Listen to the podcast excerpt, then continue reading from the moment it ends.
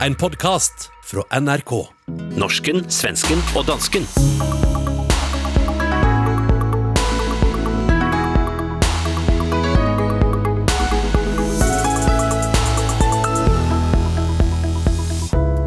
Hvordan står det til med påskefejringen i Skandinavia? Flere hundre tusen har ingen jobb at gå tilbage til efter fridagene. I Danmark blir barn bedt om at hylde sin statsminister. Og en ting er sikkert, vi kan vinke farvel til sommerkroppen 2020.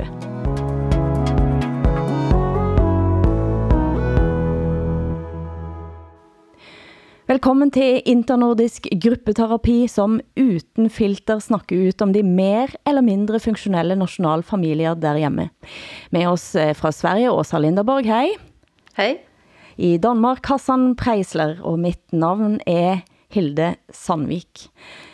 Påskemorgen slukke sorgen, heter det. Men er det nu egentlig tid for sorgslukking nå, Hassan?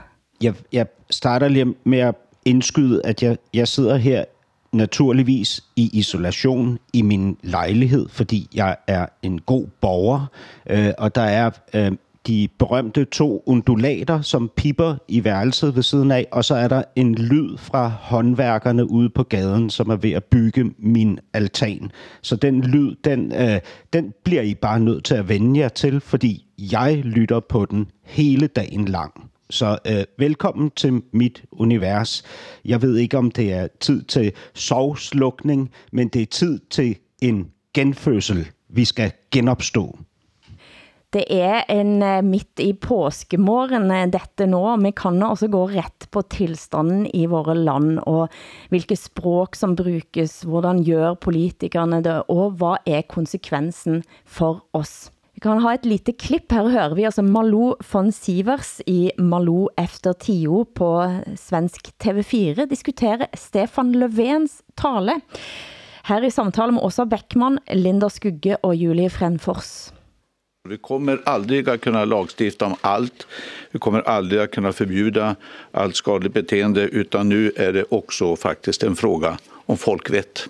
Jag tänkte bara fråga er, folkvett, eh, det var länge sedan man hörde det Ja, ordet. det känns lite Anderssonskans Kalle eller så Mm. skulle jag säga. Ehm, fast man förstår ju ändå väldigt väl vad han menar när han säger det tycker jag. Mm. Att det, nu är i alla fall de flesta av oss ändå informerade om hur det här nu sprids. Så att det handlar liksom om att tänka över hur man, hur man själv lever. Liksom Mm. Att han på något sätt vädjar till något sånt där sunt förnuft.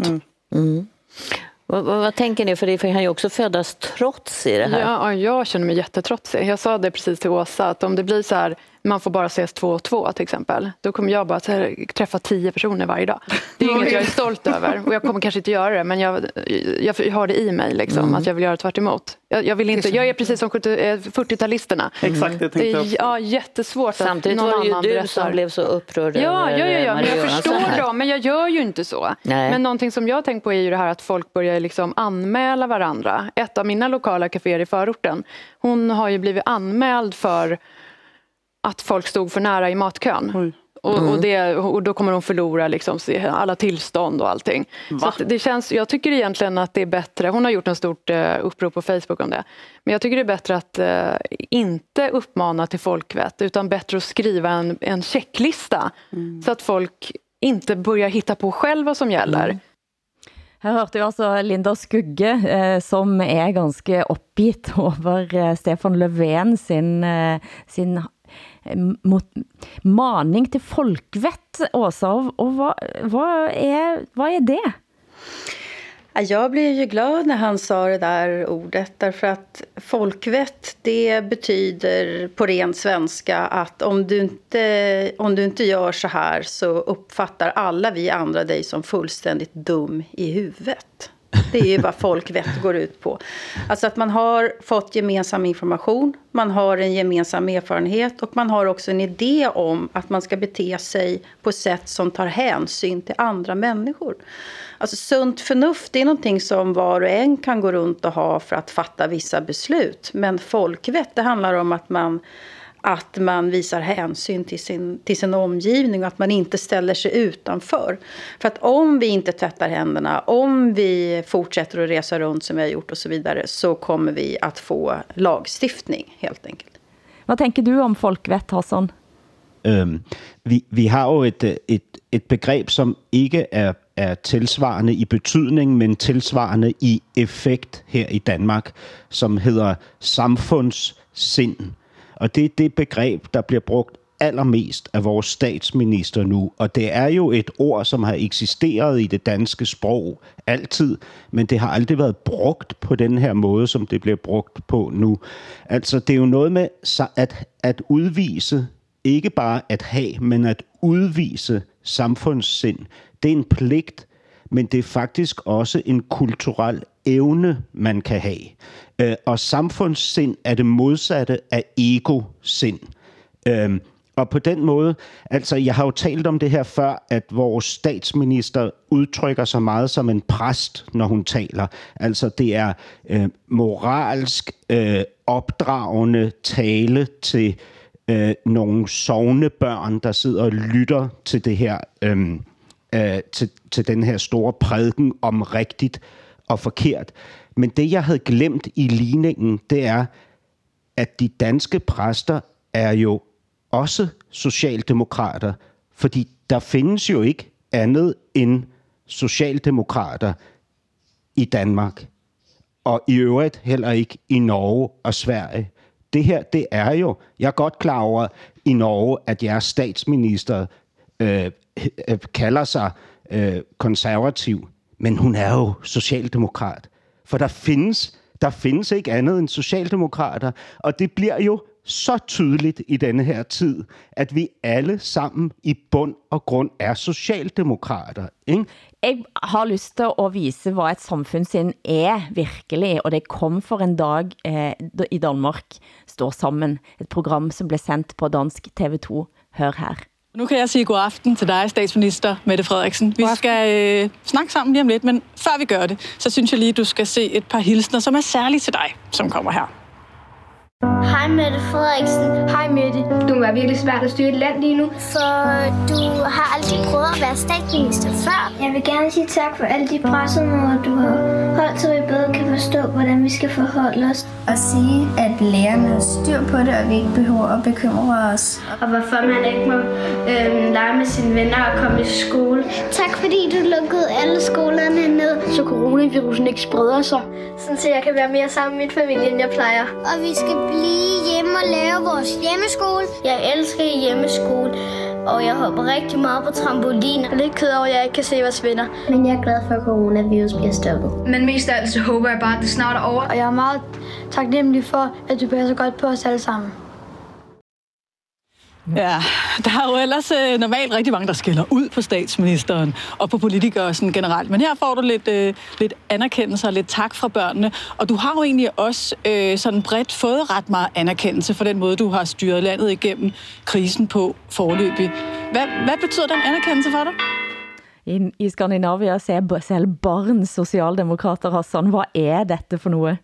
Ja, men det er jo, altså, det er jo fuldstændig fantastisk. Altså, det her viser jo også, det, det illustrerer jo så tydeligt, hvordan vi alle sammen med altså ekstrem klarhed lige nu underlægger os hele det her store socialdemokratiske paradigme, og jeg mener ikke Socialdemokratiet som et parti, jeg mener det som en, et kulturelt fundament, som vi står på i de her tre nationer, ikke? som handler om fælles identitet, enhedskultur, øh, øh, en, sådan en konsensusfølelse. Nej, ikke bare en konsensusfølelse, et konsensusbrus. Altså, øh, hele det emotionelle apparat, det koger over lige nu af behov for at udtrykke fællesskabet hele tiden. Ikke? Og når, de, når TV2 laver det her, så adskiller altså det her med børnene og den her musik og statsministeren, der skamroses, så adskiller det, det sig ikke fra, at, at vores øh, fremmeste journalister i nyhederne på den anden kanal, Danmarks Radio, interviewer Mette Frederiksen med blødhed og omsorg og, og, og, og rummelighed i stemmen. Ikke? Altså, vi, er, vi har flettet os sammen lige nu ikke? i den store konsensus kærlighed. Men barna bliver bedt om at, at, at sige dette. Ja, ja, de har, de har jo fået, de er jo blevet primet med nogle bestemte spørgsmål, ikke? Det er jo ikke statsapparatet, der har arrangeret det her, men det er det jo alligevel, fordi det hele fletter sig sammen. Det er jo TV2, der har arrangeret det, ikke? Så har de så øh, svaret ved at stille nogle, nogle modspørgsmål til statsministeren, og TV2 har så udvalgt de her bestemte spørgsmål. Men altså, prøv at høre, det, det her er jo, altså, der er jo en pris. Det er jo klart, når vi ligesom flokker os sammen på den måde, så koster det jo på den anden side. Men betaling, altså lønnen for det her, er jo enormt stor, fordi vi får jo sikkerhed og tryghed. Ikke? Offret, offret er, er det individuelle, altså. Og offret er friheden. Ikke? Altså, antitesen eller alternativet till folkvett, det är ju inte att vi inte ska tänka kritiskt. Alltså, finns det något land i Europa där man har en stor debatt överhuvudtaget om corona och vilka metoder man ska använda och så där. Det är en total uppslutning kring, kring alla ledare i stort sett. Och det, för mig hade inte det med socialdemokrati att göra överhuvudtaget utan det är att vi befinner oss i någon form av krig eller kris eller eller sådär. Eh, det är klart att man måste tänka kritiskt. Det här måste eh, alltid. Och framförallt skulle jag vilja säga Sverige som har gått en helt egen väg i det här, där kan jag ju fundera över att det inte har varit mer debatt egentligen. Jag tror fortfarande kanske att Sverige har gjort rätt här, men, men det borde vara mer debatt kring det här. Och då, då kan jag dra linjen tillbaka och tänka att oavsett ifall vi har haft socialdemokratiska eller borgerliga regeringar i Sverige så har det varit en konsensuskultur ganska länge nu.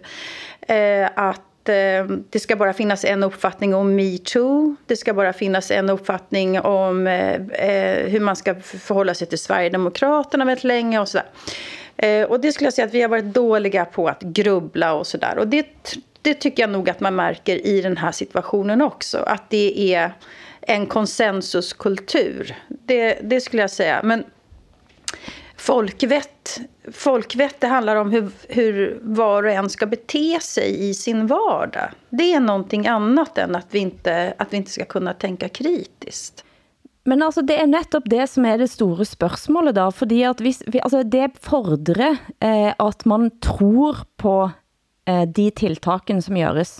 Hvis ikke må man gå blint. Så är det. Alltså, vad, jag, vad jag kan tycka... Alltså, jag måste få prata lite politik här. för att Alltså, när, det gäller, när det gäller att lösa en coronakris så tror jag ingen av oss riktigt vet. Vi har inte varit med om det här förut, men man får prova sig lite fram. Jag tror att alltså Danmark och Sverige har valt olika strategier, Norge också. Men vi kommer alla att klara oss ganska bra ur det här därför att vi har en relativt god sjukvård. Och vi är ett friskt folk från första början.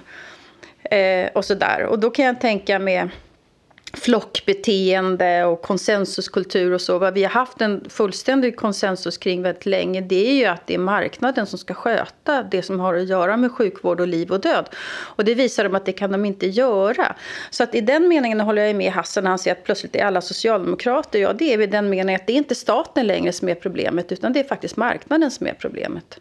Eh, och här har det ju funnits en total konsensus om att det ska vara liksom nyliberala lösningar på allting. Och här, börjar vi, här tror jag att vi kommer få en jättediskussion efteråt när vi är klara här. Nå, men, men, men altså for mig at se, når, når vi, vi sammenligner os jo nogle gange med, med Singapore og Sydkorea og, og, og så videre, og så griner vi af de her nationers evne til at marchere i takt. Ikke? Men vi er faktisk de dygtigste til lige præcis at marchere i takt. Vi gør det bare uuniformeret. Så, så det ligner jo, at vi er selvstændige individer, der går rundt i komplet frihed. Ikke? Og vores diktatur, det ligger jo ikke i, en, i, i et eller andet etpartisregime, øh, som er tydeligt på den måde, at at man hænger en plakat op af en diktator i sin lille butik eller hjemme i sin stue. Det består jo af den her ekstremt dominerende konsensuskultur. Ikke? Og for mig at se, så er det netop den konsensuskultur, som redder os lige nu, som gør, att vi överlever. Ikke? Men jag är jättenyfiken på Mette Fredriksen. Alltså jag, eh, det är helt otroligt med den här barnkören. Jag har aldrig, aldrig liksom sett något liknande i modern tid i, i Norden. Jag, alltså det, jag är helt chockad faktiskt. Men vad jag funderar över henne eh, var den här ledarstilen som hon har, var det någonting som ni kunde föreställa er? Eller kommer den plötsligt som en uppenbarelse att hon att hon är så här, vad ska man kalla det, ja, auktoritär eller kunde ni se det i henne tidigare eller? Dyker det bara upp? Nej, jeg, jeg vil sige, det dukkede op. Altså, men, men det er jo, altså, vi er jo ikke idioter i Danmark. Vi ved jo godt, hun er en konstruktion. Altså, hun har et ekstremt udbygget og meget, meget magtfuldt sekretariat omkring sig, som konstruerer hende hver eneste dag. Altså, hendes hår, hendes makeup, hendes tale, hendes kostyme, alt er ligesom tilrettelagt. Ikke? Så hun stiller sig op som denne her figur. Men det har, det har statsledere jo egentlig i Danmark altid gjort. Det har bare været, altså, og, og det er også derfor, jeg mener, det er jo ikke, det er jo ikke jeg taler jo ikke om partiet Socialdemokratiet. Jeg taler om, om folkesjælen Socialdemokratiet. Ikke? Så for mig er det, er det lige meget, om det er øh, vores liberale parti Venstre, som har magten, eller det konservative øh, parti, eller socialt. Altså, øh, og og, og det, der, det, der jo er fantastisk med, den her, med det her øh, regime, vi har, det er, at det kan altid tilpasse sig, så det passer ind i tiden. Ikke?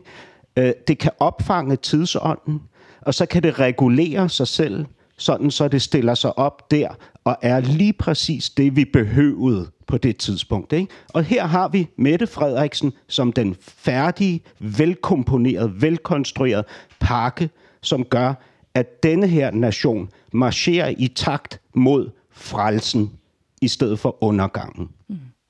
Noe, noe av det, som vel kanskje kendetegner Mette Frederiksen på vej ind eh, efter valget, var, at hun var optaget av en stærkere stat. Det har jo hun været veldig tydelig med. Og det alvor hun har lagt for en dag helt fra starten, er pass jo denne tiden. Jeg, jeg har hørt det bli sagt at unge, av onde tunger, at Mette Fredriksen eier ingen humor. Og det kan jo kanskje passe nå, nå for tiden, at man trænger ikke læse så mye. Ja, altså, jeg ved ikke, om I har bemærket det, men de sidste to gange, hvor hun har talt til befolkningen, der har hun tvunget et smil på sine læber. Øh, og ja, altså, det, det er jo et, et, et smil, som man har nærmest fornemmelsen af, at der står en stabschef ude bag i og trækker i nogle tynde fiskesnore, som så strammer hendes mundvige til, så hun kan smile til os alle sammen. Du hører norsken, svensken og dansken. Programmet blir sendt i Danmarks Radio, Sveriges Radio og Norsk Rikskringkasting.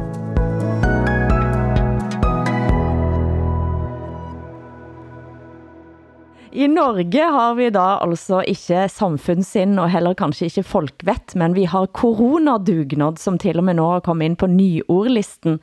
Og vi har jo allerede snakket om, om dugnad, som for dig, Hassan, var, altså, var det et narkotilbud på Vesterbro, var det så?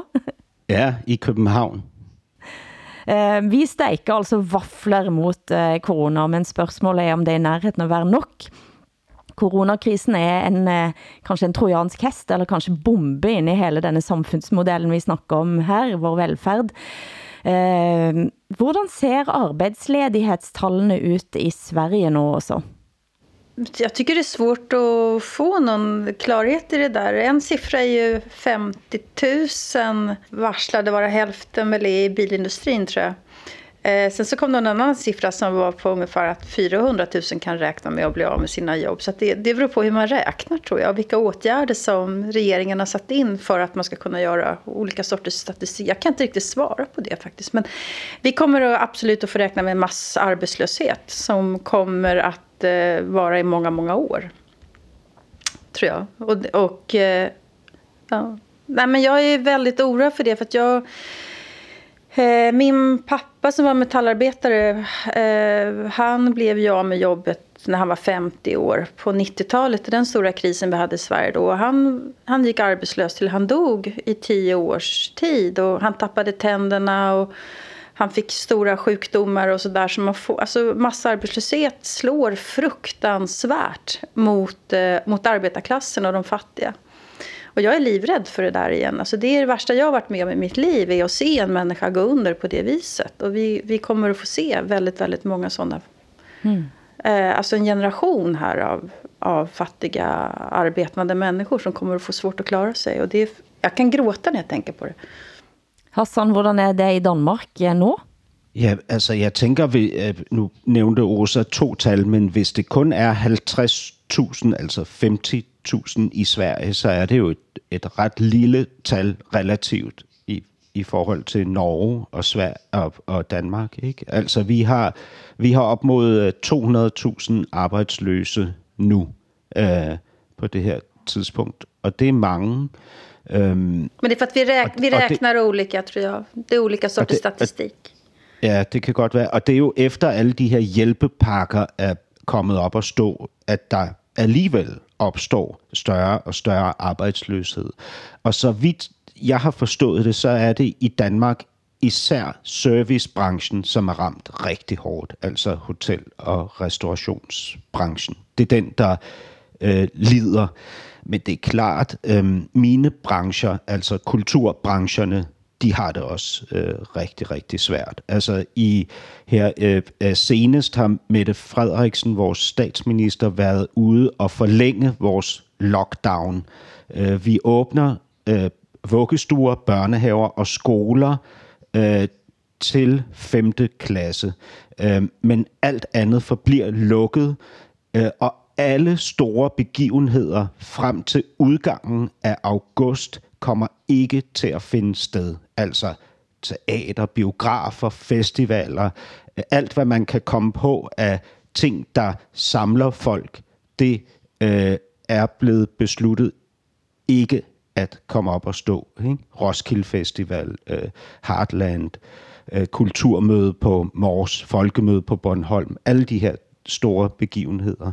Øhm, og der er selvfølgelig øh, altså enorme konsekvenser i på arbejdsløshedstallene. Utgangen af mars var det registreret 412.000 personer ledige i Norge. Det udgør altså 14,7 procent av arbejdsstyrken, og in, in, inkluderer 97.000 som er delvis ledige.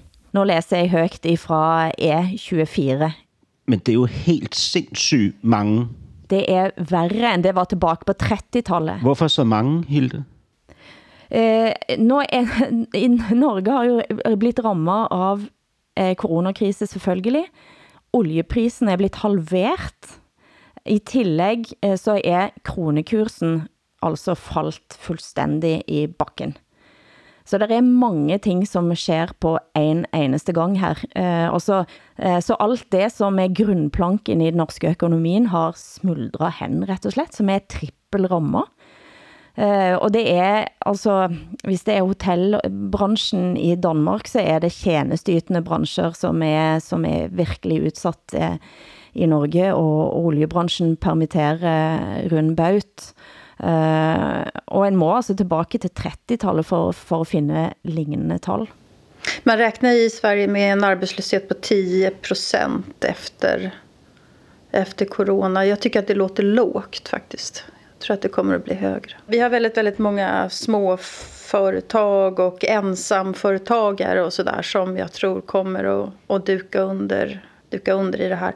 Vad jag är glad för måste jag säga. Alltså, vi hade ju för några månader sedan i Sverige så var det ju en idé om att man skulle privatisera hela Arbetsförmedlingen. Eh, och Eh, det fick regeringen eh, backa på. Eh, så att vi har ju ändå en, en arbetsförmedling som visserligen inte är särskilt bra men den fungerar ju någorlunda i alla fall. Men tänk om vi dessutom skulle ha, ha avvecklat arbetsförmedlingen samtidigt som, som det här händer. Det hade ju varit en total katastrof. Og jeg, jeg må sige, altså, øh, øh, jeg, jeg er sikker på, at I ikke accepterer det, Hilde og Åsa, men for mig, så altså, nu, nu gør, kommer jeg til at gøre det her til en kønsting. Corona rammer mænd langt hårdere end kvinder. Af flere årsager. Og på flere, og på flere niveauer. Men jeg tror, at det er, ikke, det er ikke et dårligt poeng du har, Hassan, med mænd. Altså det ser jeg også på de norske tallene, at det er veldig mye lavutdannede yrker, eh, som sliter veldig i tjenesteytende sektor. Eh, og der er det veldig mange mænd. Ja, og det, altså, det er jo fuldstændig som med alle de her livsstilssygdomme. Altså, det er jo også mænd, der lider under dem, ikke? Så er det jo også øh, mænd, der bliver ramt af corona. Altså, der er flest mænd, der er smittet, flest mænd i intensiv behandling, og flest mænd, der dør. Men, men det er jo, hvad kan man sige, den direkte konsekvens af coronaen for mænd. Den indirekte konsekvens, som måske i virkeligheden bliver meget mere omfattende og er meget mere alvorlig, det er, at vi som mænd får frataget det, som er hele vores, eller det, som primært er vores identitet. Altså netop det her med, at vi kan gå ud i verden og skaffe noget til nogen derhjemme. Ikke? Vi, er, vi er nu, jeg, jeg ved godt, det kom, at det, det kommer til at lyde meget gammeldags, altså noget med, at jeg tilslutter mig sådan en ideologi omkring øh, øh, en urkraft og noget stammesamfund og sådan noget. Men prøv at høre, jeg, jeg kigger jo bare på mig selv. Ikke? Jeg er isoleret med min datter og min kæreste og to undulater i min lejlighed. Og jeg har ja, altså det, der, hvor min desperation opstår, det er, at jeg ikke længere har samme mulighed for at skabe et billede af mig selv, som jeg kan være stolt over i hverdagen. Ikke? Altså alt det, som jeg har lært og lært mig selv, gav mig værdi. Det har jeg ikke længere. Det er veldig få kvinder, som ikke har det netop det, som du snakker om, med at okay, det er det jeg gør, som skaber min identitet. Jo, men ja, måske. Det, jeg kan jo ikke sige det. Jeg har ikke prøvet at være kvinde, men Åsa beskrev det mere præcist, end det overhovedet kan øh, beskrives. Ikke? Da hendes far mister sit arbejde, så taber han sine tænder og forgår. Må, ja, men altså man kan jo ha ulike historier eh, knyttet til tap.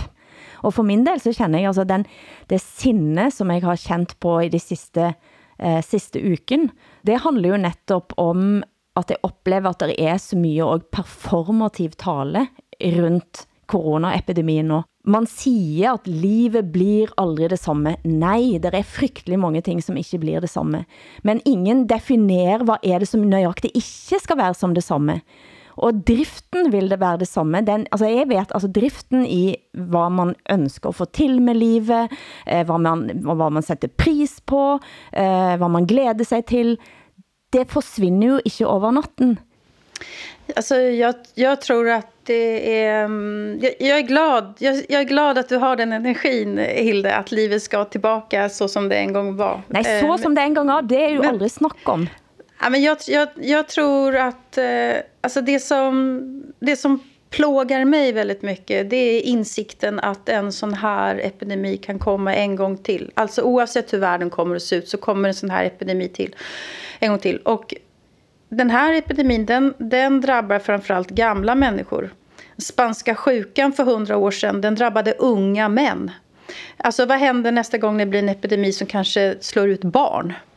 Eh, eller allihop. Och den skräcken, den kommer jag att leva med resten av mitt liv. Jag kommer aldrig att tänka att det här var då när vi hade corona. Eh, det var en gång. Eh, utan den här rädslan, den kommer jag alltid att ha.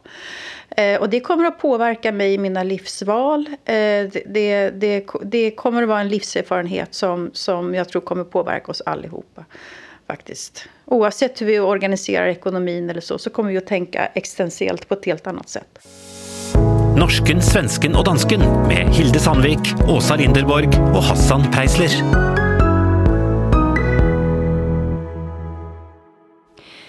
Kanskje ligger det under her denne her eh, rotnorske oppositionen for distriktene. I alle fall så kan det vel si at en av de store forskellen på Norge, Sverige og Danmark i denne tiden har været at i Norge så holder man sig med distriktsregler mot, eh, i coronatiden. Eh, har man noget sånt i Danmark, Hassan? Har Å- Århus egne eh, lokale coronaregler? Eh, regler? Jamen, altså i Danmark har vi øh, fem regioner og 98, altså 9-8 kommuner, øh, men, men altså, der er jo ikke nogen af hverken regionerne eller kommunerne, som har særskilte politikker på øh, coronaområdet, eller i virkeligheden på ret mange andre områder. Altså fordelingen kan man justere på, men ikke princippet. Her kan man i hvert fall høre et eh, klipp fra Nytt på Nytt, eh, som forklarer for danske og svenske lyttere de decentraliserte coronareglene. Eh, Her hører vi Silje Nordnes, radiovert og NRK-profil og humorist Linda Eide diskutere søringkarantene. Et ord for at søringer faktisk ikke får lov at komme til nord. Søringkarantene.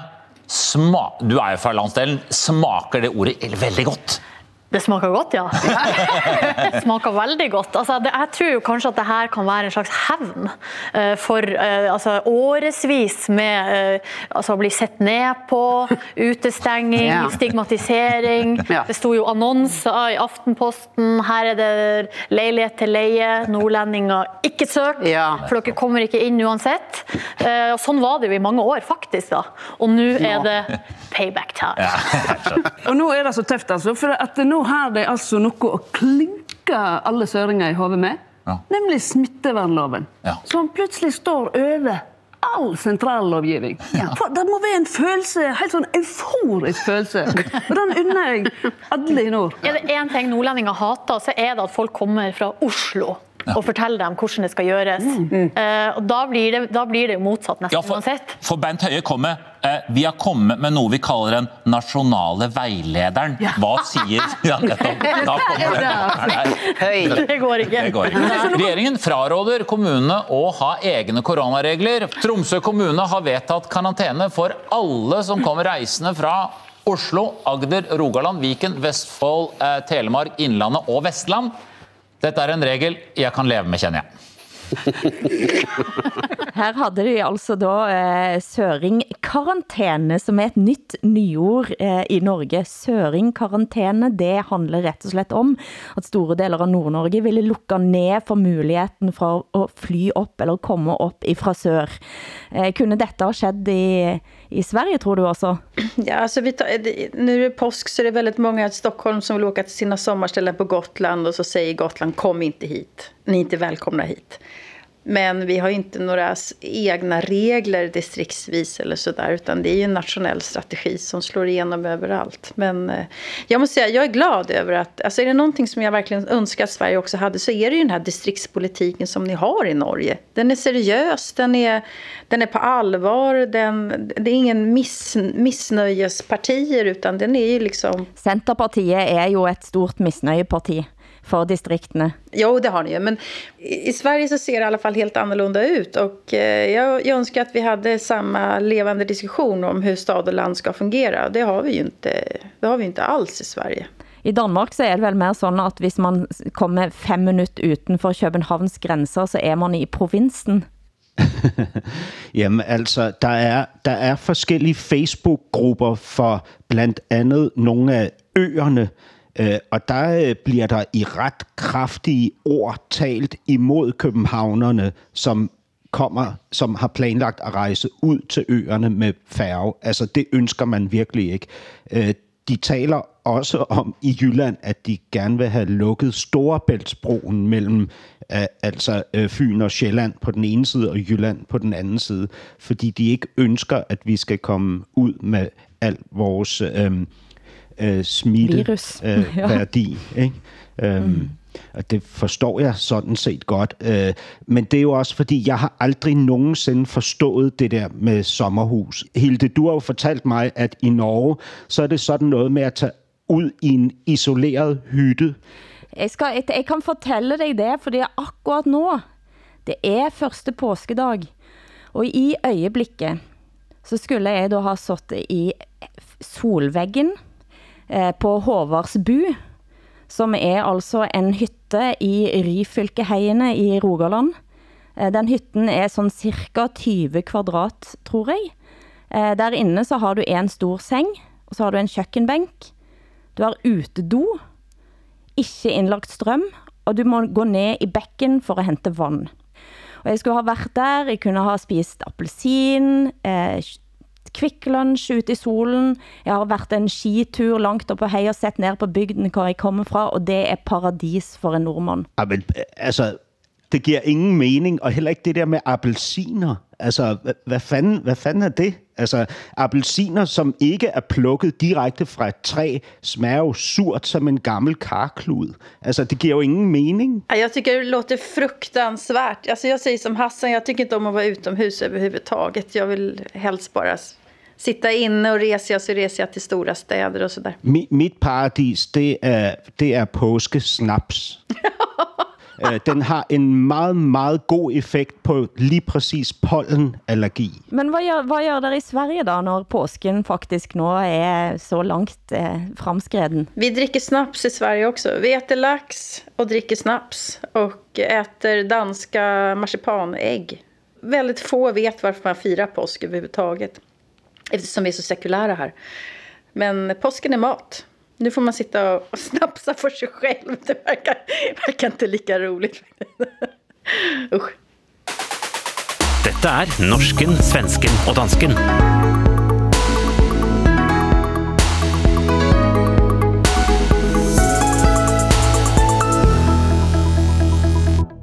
Hvis, hvis vi nå løfter blikket op fra våre hjemlige ledere, Solberg og Löfven og Fredriksen, til det mer åndelige forvaltningsniveau, hvordan har Gud klart sig gennem krisen så langt? Det, altså for mig er det et, et svært spørgsmål at besvare, fordi jeg er, jeg er jo genetisk ateist. Ikke? Øh, men jeg tænker der meget i denne her tid om det, vi startede med at tale om, altså genfødsel og genopstandelse. Ikke? Måske på grund af påsken, men især på grund af denne her tid og isolationen, så bliver jeg jo tvunget til at revidere ikke kun mig selv og mit liv, men også mine omgivelser. Altså, der er jo ikke andet at gøre, end at lave en form for revision over øh, sit liv lige nu. Og på den anden side af det, så håber jeg der på, at det, den her katastrofe, jeg står i lige nu, øhm, har haft en eller anden indvirkning på mig, sådan at livet på den anden side bliver noget nyt, øh, end det har været tidligere. Fordi jeg har det ikke, som du har det, Hilde, at jeg længes mod det, der var. Altså, øh, jeg vil nok sige, at jeg har det modsat. Jeg ser på mit liv, og det fremstår øh, ret klart for mig som et forholdsvis idiotisk liv. På hvilken måde?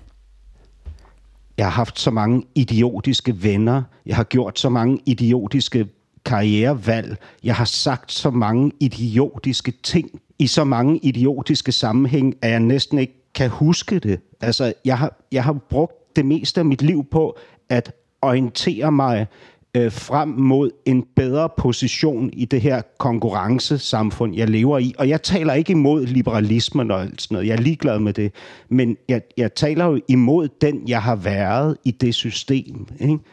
Og på, på den måde, så kan jeg jo ikke, jeg kan jo ikke holde mig selv ud, hvis jeg går tilbage efter det her, den her globale katastrofe, og bare fortsætter med att vara en idiot. Mm. Ja, det är en jättepoäng eh, Hassan här och jag undrar ju om inte de flesta funderar nu i sin karantän. Vi som kan jobba hemifrån, ska jag säga. Alltså väldigt, väldigt många måste gå till jobbet. Men går livet ut på att man ska arbeta på det här viset? Finns det inte andra värden också? Och, och eh, vem vill jag umgås med och hur ska jag vara? Det, det är så helt avgörande frågor som alla ställs inför här men er ikke det noget, som man holder på med hele tiden? Jeg tænker det. Øh, jeg ved godt, det er frygteligt at sige det her, fordi det er så forfærdeligt det hele, og det har så store konsekvenser alting lige nu for så mange mennesker. Men jeg, jeg oplever faktisk en enorm stor frihed i at være isoleret fra andre mennesker. Ikke? Fordi lige nu, der kan jeg ikke slikke dem i røven. Altså, det er simpelthen fysisk umuligt. Ikke?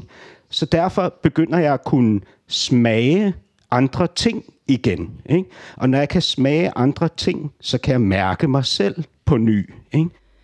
Altså, for min del så handler det ikke om at længse tilbage til det, som var. Altså, jeg, har, jeg ejer ingen nostalgisk eh, flik inde i mig.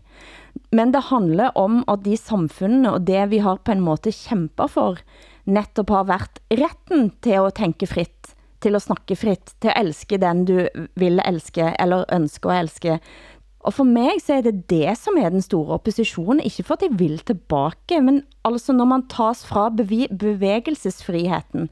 Og når jeg ser helsebyrådet i Oslo, Robert Sten, uttale at nej, denne situation er ikke over til påske, den er ikke over til sommeren. Coronasituationen skal vare i alle fall ut året, kanskje langt ind i 2021.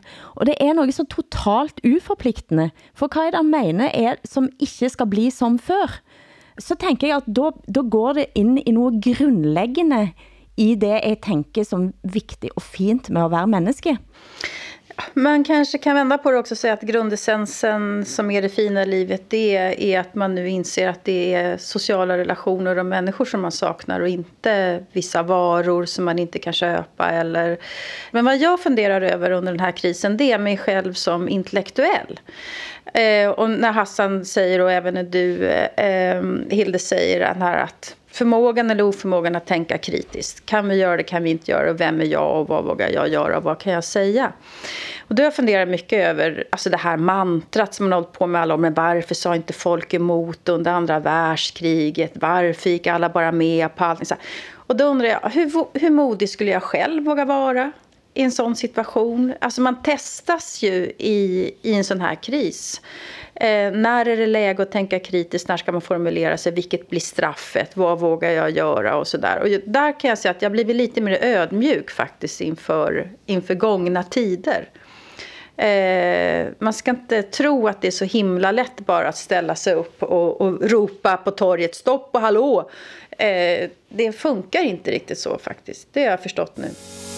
Norsken, svensken og dansken med Hilde Sandvik, Åsa Linderborg og Hassan Preisler.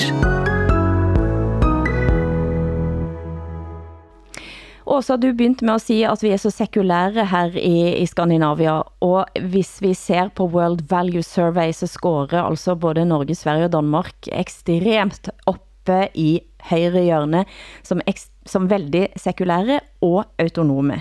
Og svenskene er de mest sekulære og autonome av alle. Hvordan står det til med Guds troen nå i denne lidt eksistentielle krisen? Eh, ja, alltså, man brukar säga att Sverige är världens mest sekulära land och så är det nog när det gäller hur staten fungerar och, och sådär. där samtidigt så har vi ju fått väldigt många nya svenskar som faktiskt är djupt religiösa. Så det, det är nog frågan i vem man, vem man pratar Men vänder, med. Men vänder man sig mot kyrkan nu i krisetider?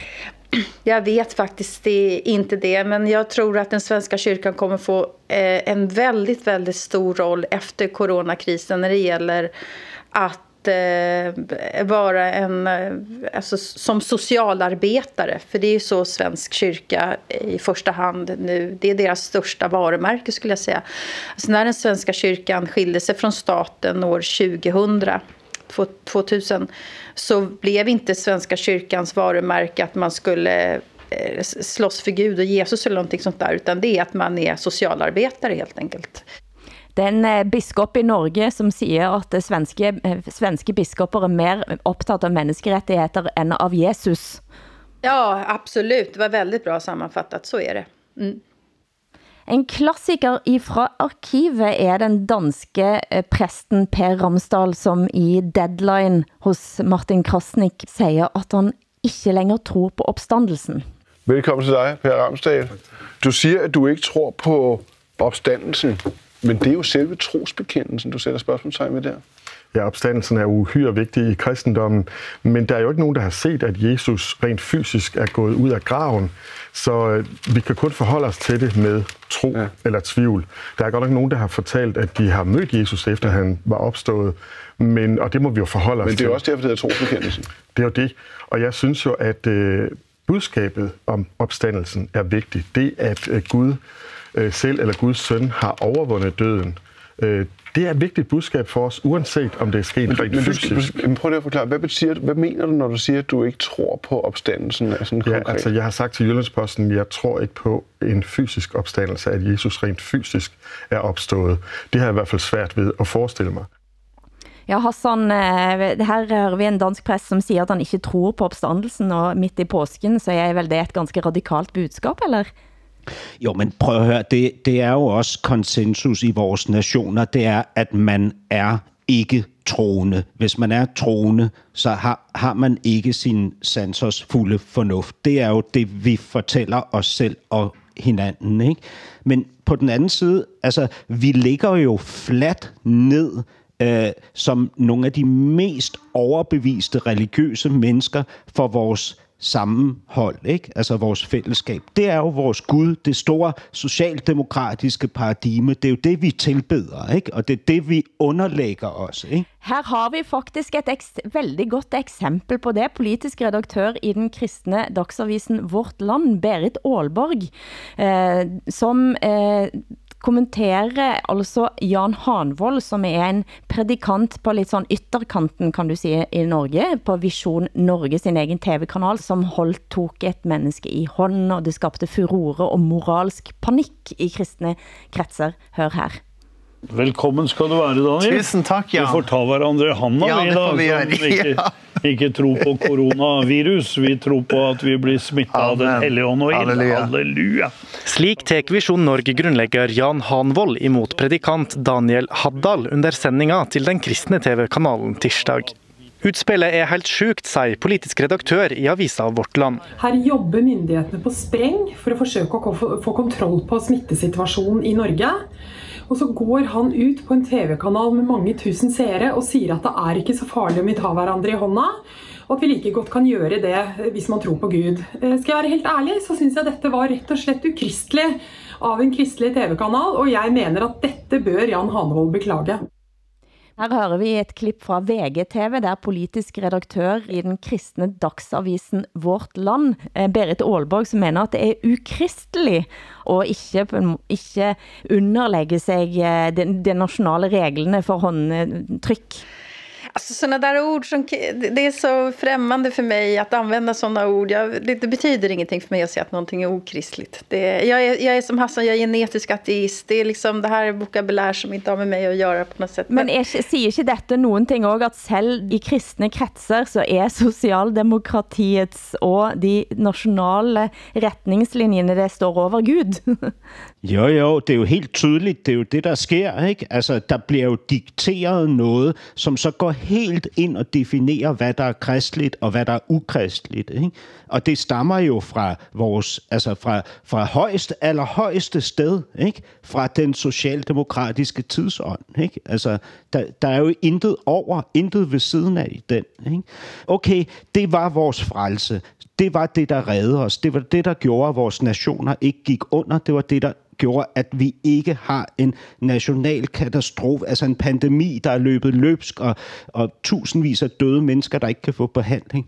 Men, det, men der er altså også en pris ved det, som jeg mærker lige nu, ikke? og det er, at jeg, jeg, altså, jeg må fri. Jeg kan ikke få luft. Altså, jeg er ved at kvæles. Ikke? Du er Hvad skal men du gøre? bliver kvælt. Det er det, du siger. Vi er trygge, men vi bliver kvælt. Og prøv at høre, vores nationer har massive opsparinger. Ikke? I Norge har I alle jeres olie, oliepenge. Ikke? I Danmark der har vi alle vores pensionsopsparinger. Milliarder af kroner, ikke? der ligesom er, er gravet ned ikke? Til, til alderdommen. Ikke? Men, men hvad, hvad, altså, hvad, hvad er det, der så sker, når vi så går rundt i vores nutid lige nu, og ikke kan ånde? Ikke? Men jag, jag som då ändå bor i ett land där, eh, alltså som, eh, vi har valt en annan väg här faktiskt. Vi är inte lika kvävda och inte lika instängda som... Så dør det flere også, men er det en pris som er verdt at betale? Jo, jo, men alltså, eh, jag tror att i slutändan så tror jag nog att eh, de länder som har bäst sjukvård kommer att klara sig och friskast be- befolkning så kan man välja olika strategier här. Men det som, det som Hassan kallar för att det är socialdemokrati, även om det inte är partipolitik, så handlar inte här om att människan i grund och botten faktiskt är en solidarisk varelse. Alltså vi kan, vi kan, vi kan vara individer men till slut så är vi ändå solidariska sociala varelser som försöker hjälpa varandra. Sen kan man kalla det för vad som helst men jag tror att det är det det här handlar om. Och det det, det är något av det finaste som vi kan få ut av, av corona, den insikten. Ja, og det er jeg helt med på, det er jo den gode tvillingesøster, ikke? Den onde tvillingesøster er jo så den, der fortæller mig, at min individualitet, den er faktisk bare egoisme. Ikke? Så det vil sige, alt hvad jeg mærker, hvad jeg tænker, hvad jeg føler, det er sekundært. Ikke? Det primære er samfundssindet. Ikke? Alltså jag tänker att människan blommar och frigör sig tack vare att det finns ett kollektiv som hjälper en att göra det. Jag ser ingen motsättning mellan individ och kollektiv riktigt. Du hører norsken, svensken og dansken i SR, DR og NRK.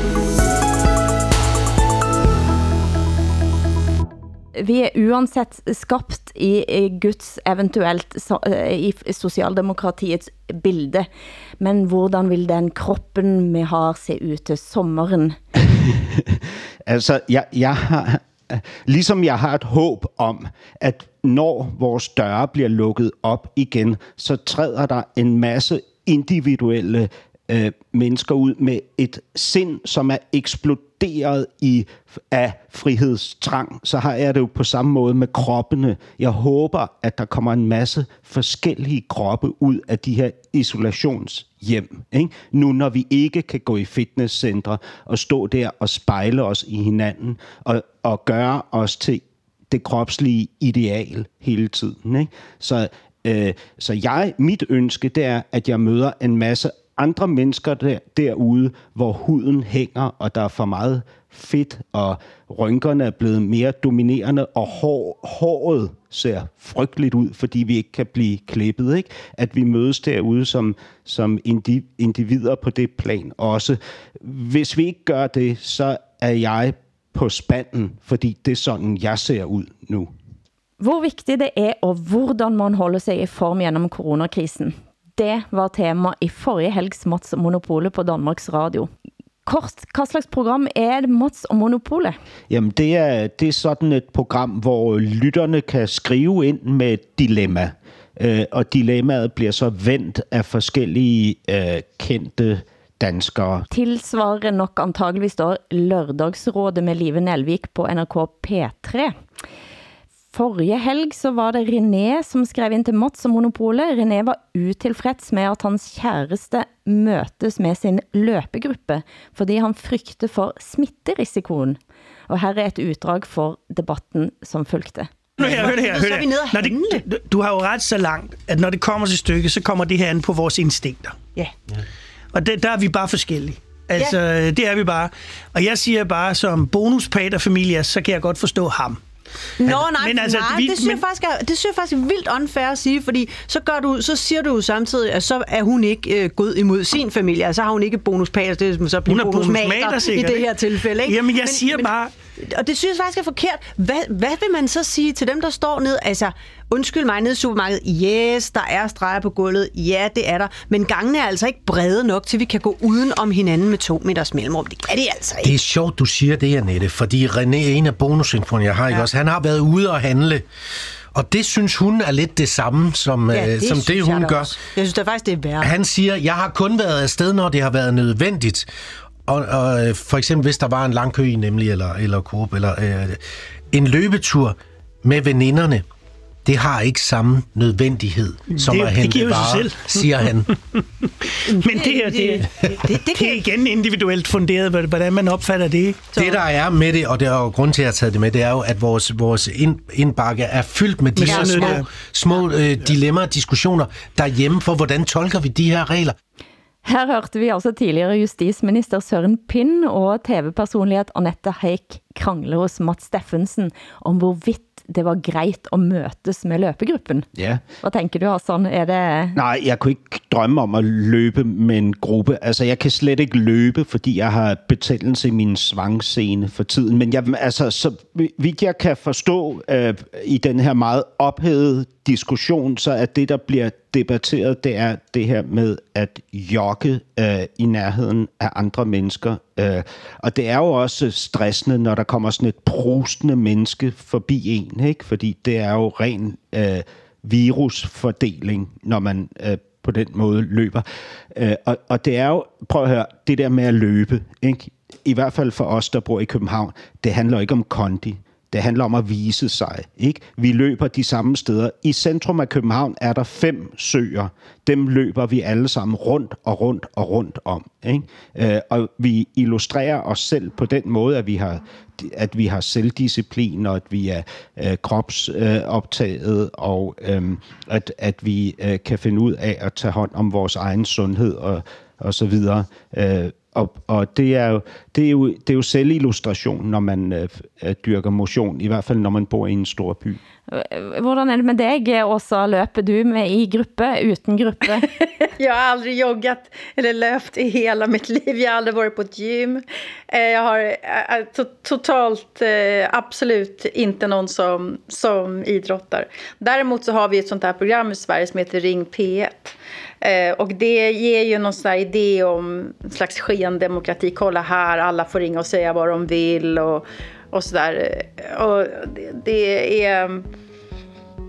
Jag känner sig själv att jag uttrycker folkförakt när jag blir arg på det programmet, men jag blir det faktiskt. Men jag vill, jag vill gerne lige, altså Mass og Monopolet, er det altså uden konkurrence det mest populære radioprogram i Danmark. For mig at se, så er Mads og Monopolet lidt et spejl på vores øh, parlamentariske system. Det er sådan en platform, hvor vi lader som om, altså vi har en maskerade, som siger, at vi er forskellige, og vi kan rumme forskelligheden.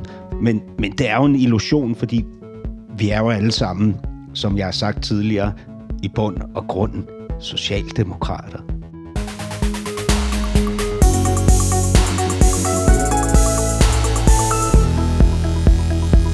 Du har hørt en podcast fra NRK. Hør flere podkaster og din favorittkanal i appen NRK Radio.